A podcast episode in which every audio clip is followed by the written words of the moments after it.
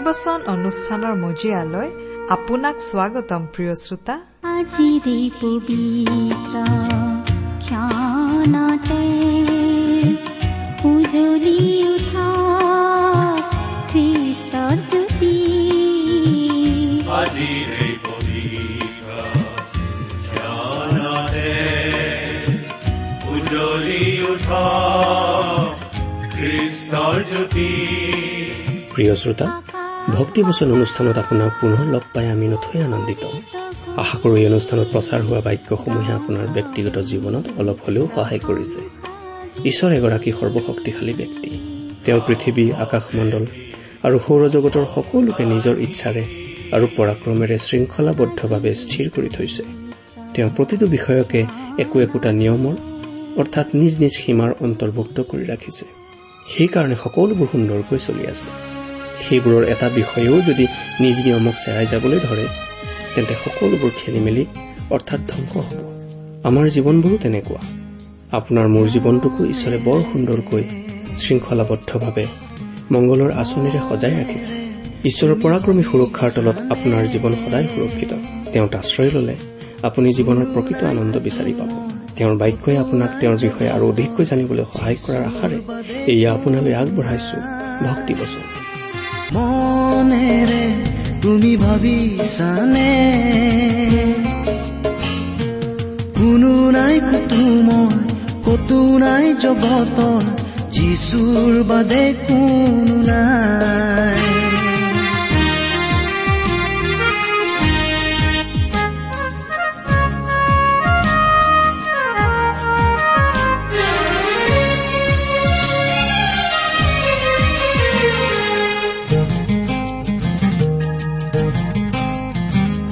তেজৰ তানে নাৰাখে কাকো প্ৰেমৰ ভাষা নুবুজে কোনো নুশুনে কোনো হিয়াৰ কান্দোন নুবুজে চকুলোৰ কোনো এমূল কাহত তোমাৰ যিচুৰ বাদে কোনো নাই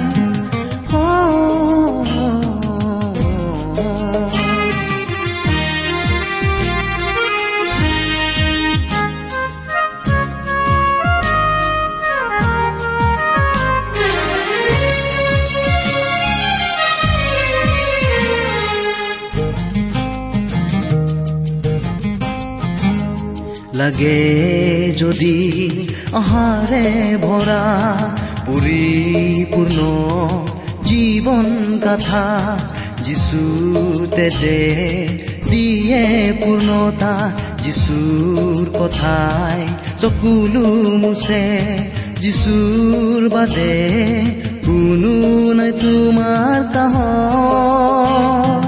মনেৰে আমাৰ পৰম পবিত্ৰ প্ৰভু যীশুখ্ৰীষ্টৰ নামত নমস্কাৰ প্ৰিয় শ্ৰোতা। আশা কৰো মহান পিতা পৰমেশ্বৰৰ মহান অনুগ্ৰহত আপুনি ভালে কুশলে আছে।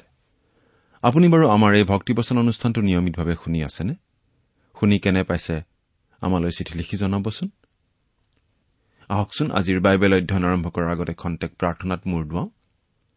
স্বৰ্গত থকা অসীম দয়ালু পিতৃ ঈশ্বৰ তোমাৰ মহান নামৰ ধন্যবাদ কৰো। তুমি সৰ্বশক্তিমান সৰ্বব্যাপী সৰ্বজ্ঞানী ঈশ্বৰ হৈও আমাৰ দৰে ক্ষুদ্ৰ মানৱক যে ইমান প্ৰেম কৰা সেই কথা ভাবিলেই আচৰিত হওঁ।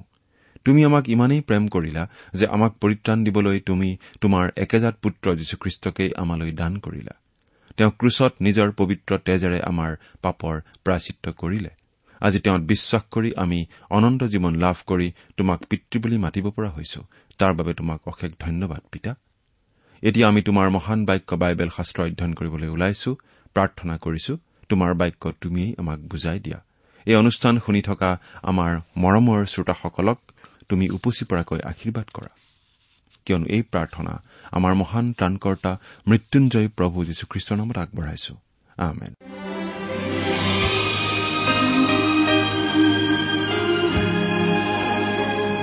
প্ৰিয় শ্ৰোতা আপুনি বাৰু আমাৰ আগৰ অনুষ্ঠানটো শুনিছিল নে আমি বাৰু কি আলোচনা কৰিছিলো আপোনাৰ মনত আছেনে?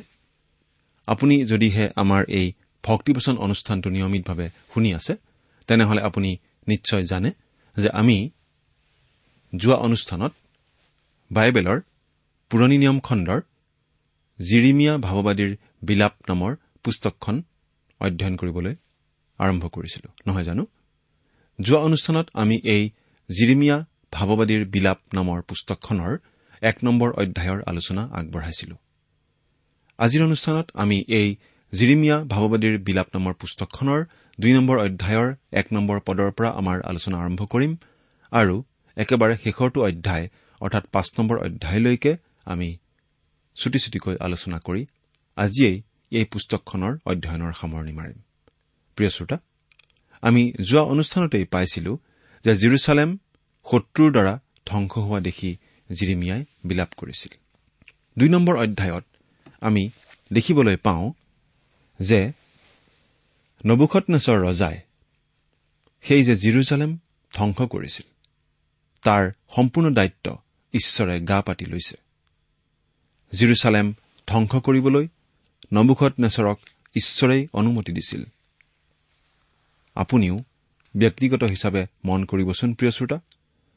আপোনাৰ যদি কোনো শত্ৰু আছে বা কোনোৱে যদি আপোনাৰ অনিষ্ট সাধন কৰিছে সেয়া হয়তো ঈশ্বৰেই কৰিবলৈ দিছে। আপোনাৰ জীৱনত যে ঈশ্বৰে সেইদৰে হবলৈ দিয়ে তাক জানিব পৰাটো ভাল। এতিয়া আমি দুই নম্বৰ অধ্যায়ৰ সাত নম্বৰ পদটোৰ কথাখিনি পাঠ কৰিম। ইয়াতনো কি আছে? প্ৰভুৱে তেওঁৰ যজ্ঞবেদী দূৰ কৰিলে তেওঁৰ পবিত্ৰ স্থান ঘীন কৰিলে তেওঁ তাৰ অট্টালিকাৰ গড়বোৰ শত্ৰুৰ হাতত সমৰ্পণ কৰিলে। সিহঁতে পৰ্বদিনৰ নিচিনাকৈ জিহুৱাৰ গৃহত কোলাহল কৰিলে। এৰা এইখিনি অতি দুখৰ কথা। যি মন্দিৰ তৈয়াৰ কৰিবলৈ ঈশ্বৰে নিজে আদেশ নিৰ্দেশ দিছিল আৰু নিৰ্মাণ হৈ উঠাৰ পাছত আশীৰ্বাদ কৰিছিল সেই মন্দিৰখনকেই তেওঁ এটা সময়ত ঘীন কৰিবলগীয়া হৈছিল। কিয়? কিয় বাৰু? কাৰণ জিৰচালেমে অতিশয় পাপ কৰিলে। আজি আমিও অলপ গম লৈ চোৱা উচিত। আমাৰ গীৰ্জাঘৰবোৰক লৈ ঈশ্বৰ সন্তুষ্টনে? আমাৰ উপাসনাৰ স্থানবোৰক লৈ ঈশ্বৰ বাৰু সন্তুষ্টনে? নে সেই গীৰ্জাগৃহবোৰত গোট খাই আমি ঈশ্বৰে মনত আঘাত পোৱা কথা কওঁ বা কাম কৰো? ক্ৰুচবিদ্ধ কৰিবলৈ প্ৰভু যীশুক যি ৰাতি গ্ৰেপ্তাৰ কৰা হৈছিল সেইদিনাৰ আটাইতকৈ ভয়ানক ঠাইটো কি আছিল জানেনে? সেয়া দুষ্টবোৰে অনিষ্ট সাধন কৰিবলৈ খাপ দি ৰৈ থকা ঠাই নাছিল। সেয়া আছিল শিষ্যসকলৰ সৈতে প্ৰভুৱে গোট খোৱা স্থান ওপৰ কোঠালি। কিয় জানেনে? কাৰণ তাত সেই ৰাতি ছয়তানো উপস্থিত আছিল আৰু স্কুৰেটীয়া যীহুদাৰ কাম কৰিছিল যাতে তেওঁ প্ৰভু যীশুৰ প্ৰতি বিশ্বাসঘাতক হয়। পিতৰৰ অন্তৰতো ছয়তানে কাম কৰিছিল যাতে প্ৰভুক তেওঁ তিনিবাৰকৈ অস্বীকাৰ কৰে। গতিকে চাব কেৱল গীৰ্জালৈ অহা যোৱা কৰিয়েই আমি কোনেও ঈশ্বৰক সন্তুষ্ট কৰিব নোৱাৰো। যীহুদাৰ অৱশিষ্ট লোকসকলে বাহ্যিক কিছুমান কাৰ্যক্ৰিয়াৰে জিৰচালেমৰ ধ্বংসৰ কাৰণে বেজাৰ ইংগিত দিছিল। চিউন জীয়াৰীৰ বৃদ্ধবিলাকে নিজম দি মাটিত বহি আছে। তেওঁবিলাকে নিজ নিজ মূৰত ধূলি ছটিয়াইছে। কঁকালত ছট বান্ধিছে। জিৰচালেমৰ কুমাৰীবিলাকে মাটিলৈ মূৰ দুৱাইছে। কিন্তু জিৰিমিয়াই হলে কান্দি কান্দি চকুলো টুকি টুকি চকুহাল দুৰ্বল হৈ পৰিছিল আৰু অন্তৰত অত্যন্ত দুখ পাইছিল।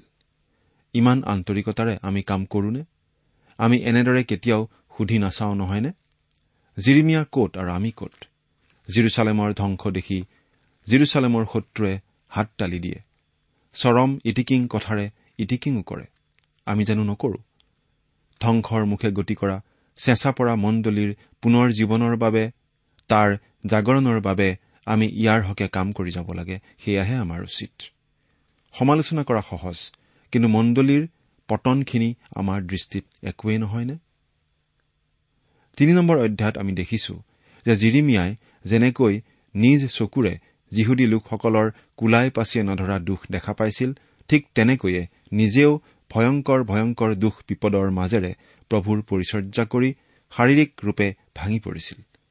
শাৰীৰিক দুখ শাস্তি আৰু মানসিক যন্ত্ৰণাৰ বাবে মানুহজনৰ স্বাস্থ্য ভাঙি পৰিছিল। শাৰীৰিক দুখ শাস্তি আৰু মানসিক যন্ত্ৰণাৰ বাবে মানুহজনৰ স্বাস্থ্য ভাঙি পৰিছিল।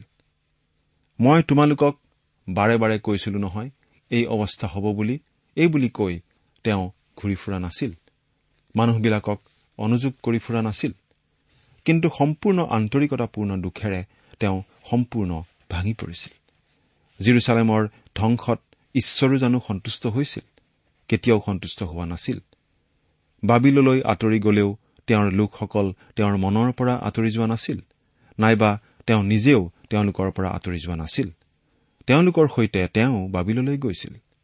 প্ৰভু যীশুৱে কৈছিল মই তোমালোকক কেতিয়াও নেৰিম। কেতিয়াও ত্যাগ নকৰিম।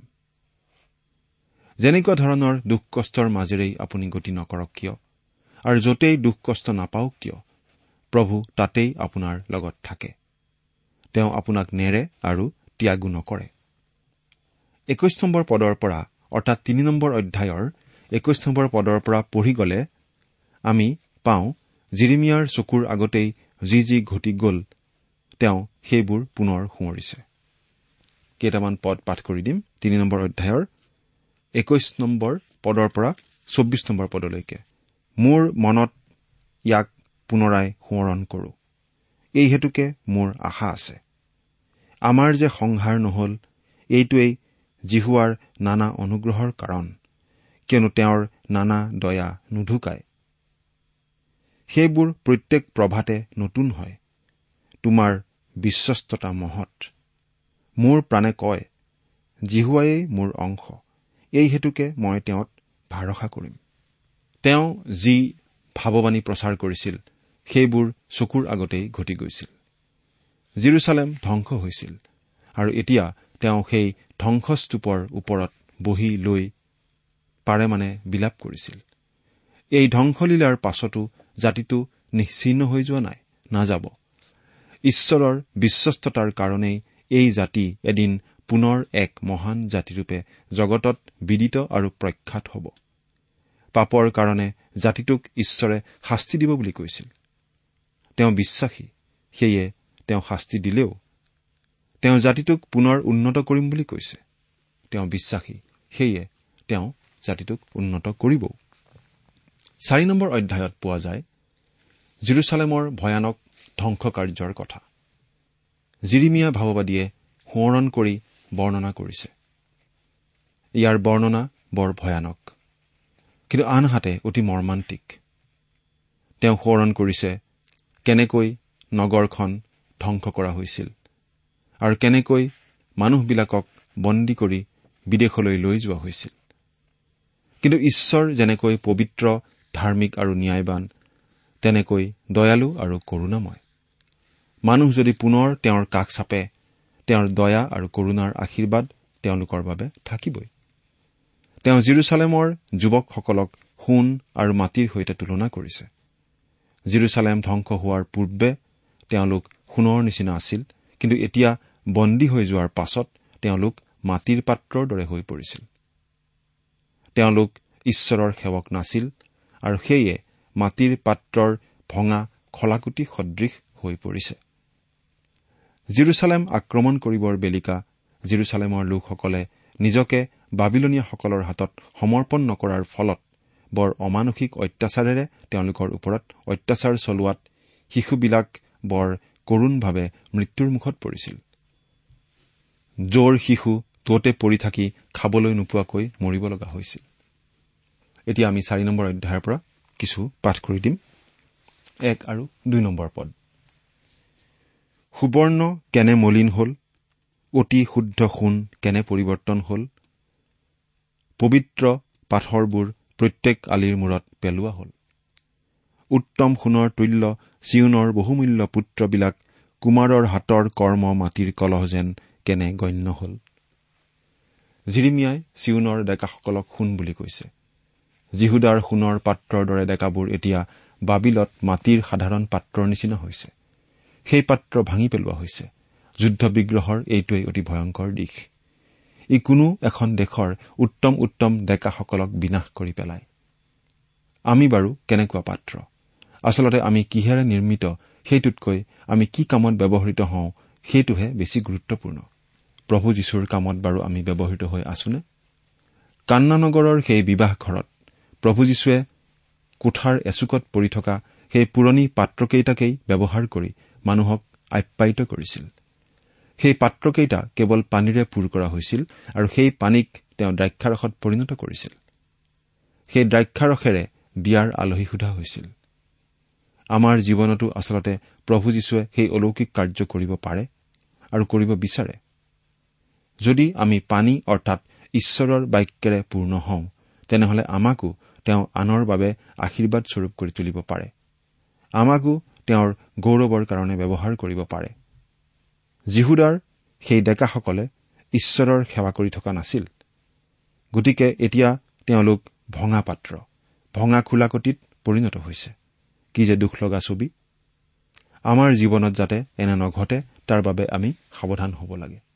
চাৰি নম্বৰ পদটো পঢ়ি দিছো। পিয়াহ খোৱা কেঁচুৱাৰ জীৱা পিয়াহত তালুত লাগিল। শিশুবিলাকে পিঠা খুজিছে কোনেও সিবিলাকক বাটি নিদিয়ে। নবুখত নেজৰৰ দ্বাৰা জিৰচালেম অৱৰোধ কৰাটো অতি ভয়াৱহ কাম আছিল। নগৰৰ মাজত বন্ধ হৈ থকা মানুহবোৰে নানা ধৰণৰ দুখ কষ্ট ভোগ কৰিব লগা হৈছিল। আত্মসমৰ্পণ নকৰি তেওঁলোকে তেনেদৰেই আছিল আৰু তেওঁলোকৰ সৰু কেঁচুৱাবোৰ অনাহাৰত মৰিছিল। অতি দুখ লগা ঘটনা। পাঁচ নম্বৰ পদ। সুখাদ্য খোৱাবিলাকে আলিত অনাথ হৈ পৰি আছে। ৰঙা বিচনাত শুই ডাঙৰ দীঘল হোৱাবিলাকে গোবৰৰ দম সাৱটিছে তেওঁলোকে লাহবিলাহত কটাইছিল। বজাৰৰ দোকান পোহাৰবোৰ নানা ধৰণৰ ভোগৰ সামগ্ৰীৰে ভৰা আছিল।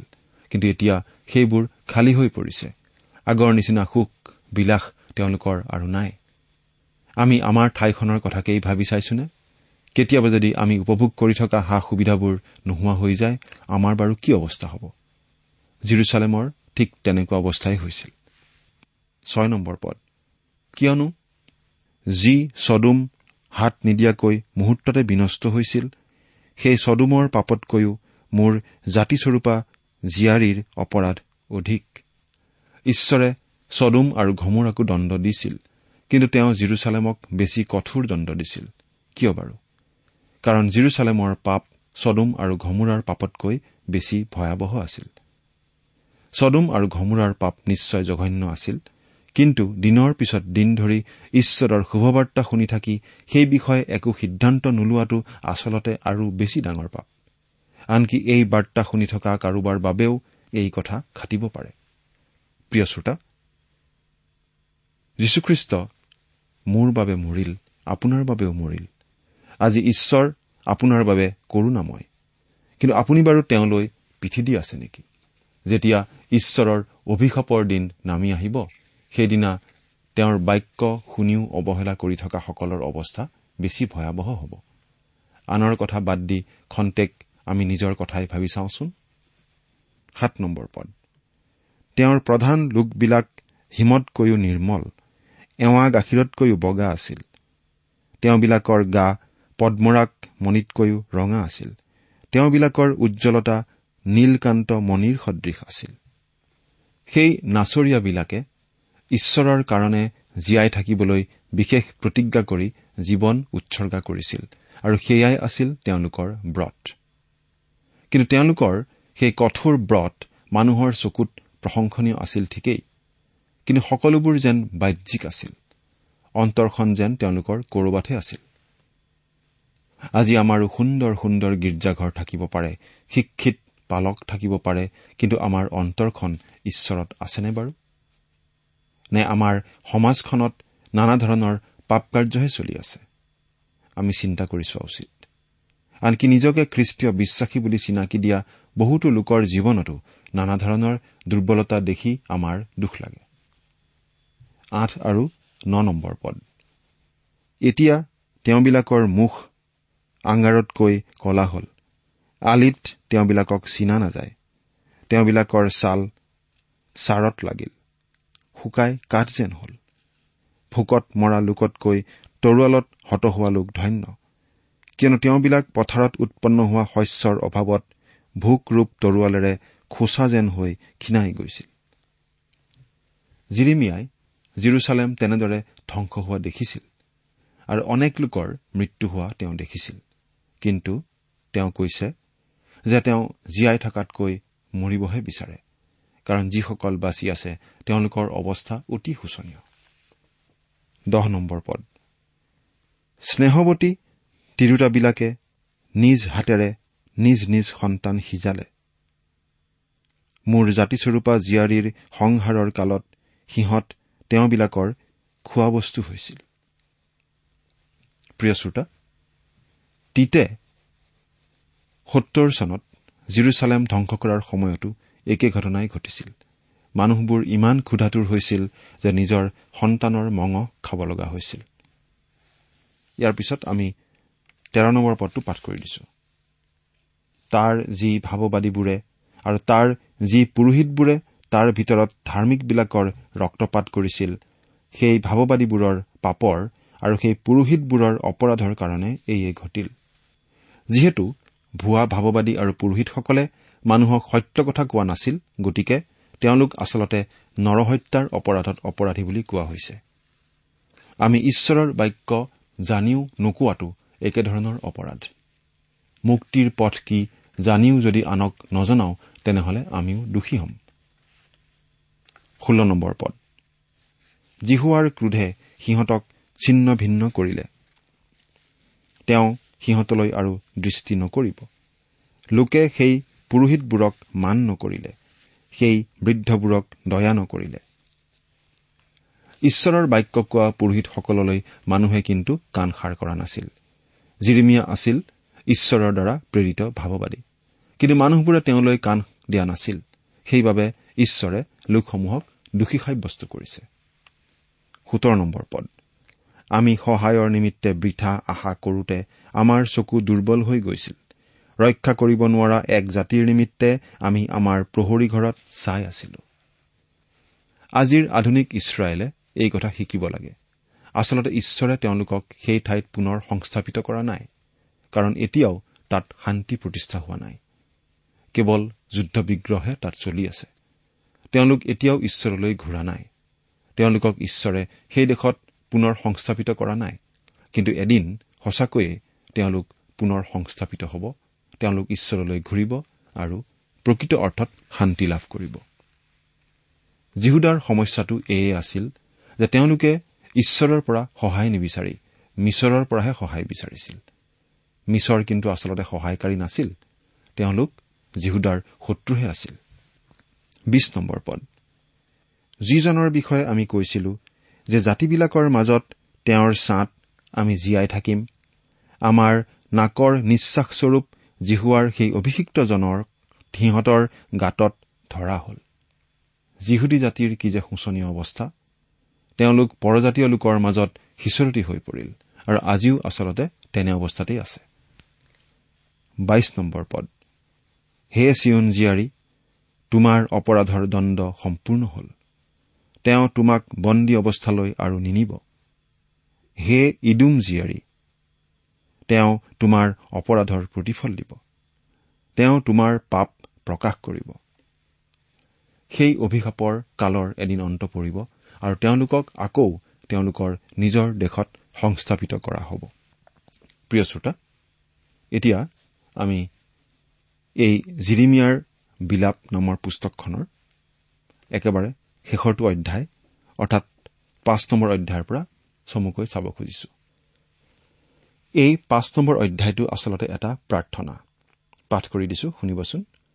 হে যি হোৱা আমালৈ যি ঘটিল তাক সোঁৱৰণ কৰা দৃষ্টি কৰা আৰু আমাৰ অপমান চোৱা। আমাৰ আধিপত্য বিদেশীবিলাকৰ হাতলৈ গ'ল আমাৰ ঘৰবোৰ বিজাতীয়বিলাকৰ অধিকাৰলৈ গ'ল। আমি অনাথ আৰু পিতৃহীন হলো আমাৰ মাতৃবিলাক বিধৱা যেন হল। আমাৰ পানী আমি ধন দি পান কৰো আমাৰ খৰি আমি দাম দি কিনো। আমাৰ তাৰণাকাৰীবোৰে আমাৰ ডিঙিত জুৱলি লগাইছে। আমি শ্ৰান্ত হলো অলপো বিশ্ৰাম নাপাওঁ। আমি আহাৰেৰে তৃপ্ত হবৰ নিমিত্তে মিছৰীয়াহঁতৰ ফাললৈ হাত মেলিলো আৰু অচুৰীয়াহঁতৰ ফাললৈ হাতজোৰ কৰিলো। আমাৰ পূৰ্বপুৰুষবিলাকে পাপ কৰিলে আৰু তেওঁবিলাক এতিয়া নাই। আমি তেওঁবিলাকৰ অপৰাধৰ ভাৰ বৈছো। আমাৰ ওপৰত বন্দীবোৰে শাসন কৰে। সিহঁতৰ হাতৰ পৰা আমাক উদ্ধাৰ কৰোতা কোনোৱেই নাই। অৰণ্যৰ তৰোৱালৰ কাৰণে আমাৰ প্ৰাণৰ সংশয়েৰেহে আমি আমাৰ আহাৰ আনো।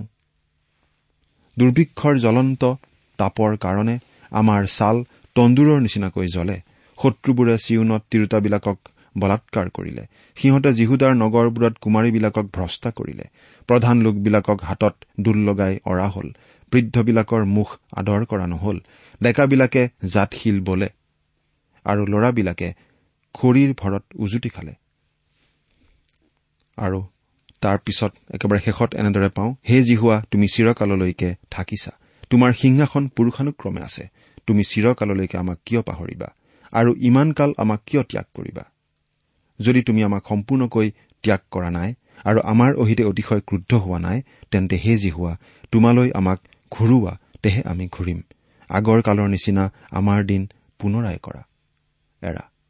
প্ৰিয় শ্ৰোতা জিৰিমিয়াই এই যি প্ৰাৰ্থনা কৰিছিল তেনেদৰে আমিও প্ৰাৰ্থনা কৰা উচিত। কাৰণ ঈশ্বৰলৈ ঘূৰিলেহে ঈশ্বৰৰ পথত চলিলেহে ঈশ্বৰৰ বাধ্য হৈ চলিলেহে আমি ঈশ্বৰৰ আশীৰ্বাদ লাভ কৰিব পাৰো। প্ৰিয় শ্ৰোতা আপুনি বাৰু তেনেদৰে চলিছেনে? ঈশ্বৰ আপোনাৰ সহায় হওক। আহমেদ ইমান পৰে আপুনি বাইবেল শাস্ত্ৰৰ পৰা ঈশ্বৰৰ বাক্য শুনিলে। এই বিষয়ে আপোনাৰ মতামত জানিবলৈ পালে আমি নথৈ আনন্দিত হ'ম। আমি প্ৰস্তুত কৰা বাইবেল অধ্যয়নৰ চিডিসমূহ পাব বিচাৰিলে আৰু অনুষ্ঠানত প্ৰচাৰ কৰা কোনো কথা বুজিব লগা থাকিলেও আমালৈ লিখক। আমাৰ যোগাযোগৰ ঠিকনা ভক্তিবচন ট্ৰান্সৱৰ্ল্ড ৰেডিঅ' ইণ্ডিয়া ডাক বাকচ নম্বৰ সাত শূন্য গুৱাহাটী সাত আঠ এক শূন্য শূন্য এক। ঠিকনাটো আকৌ এবাৰ কৈছো ভক্তিবচন ট্ৰান্সৱৰ্ল্ড ৰেডিঅ' ইণ্ডিয়া ডাক বাকচ নম্বৰ সাত শূন্য গুৱাহাটী সাত আঠ এক শূন্য শূন্য এক আমাৰ ইমেইল এড্ৰেছটো হৈছে Assamese T TV at the rate radio' eight eight two dot com. আমাৰ website W W W dot T W R dot in. আপুনি টেলিফোনৰ মাধ্যমেৰেও আমাক যোগাযোগ কৰিব পাৰে। আমাৰ টেলিফোন নম্বৰটো হৈছে nine eight five four zero' four zero' eight eight nine. Phone নম্বৰটো আকৌ এবাৰ কৈছো ন আঠ পাঁচ চাৰি শূন্য চাৰি শূন্য আঠ আঠ ন। আপুনি এই ভক্তিবচন অনুষ্ঠানটি আমাৰ website W W W dot radio' eight eight two dot কমতো শুনিব পাৰিব। আজিৰ অনুষ্ঠানটি ইমানতেই সামৰিছো। ঈশ্বৰৰ শান্তি আৰু অনুগ্ৰহ আপোনাৰ লগত থাকক। ধন্যবাদ।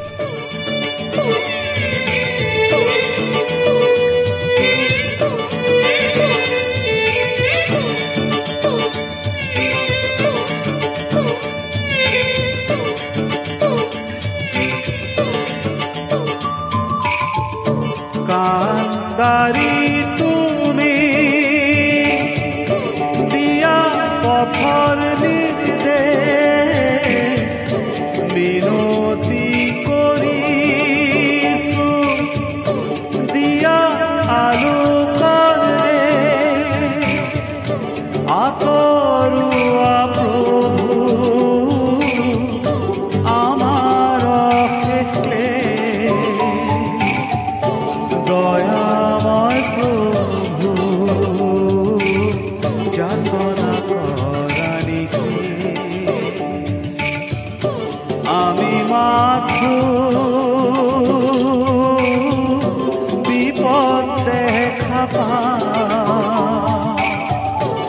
আমি মাত্র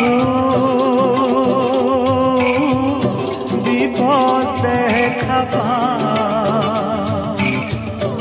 অতীত ভবিষ্যৎ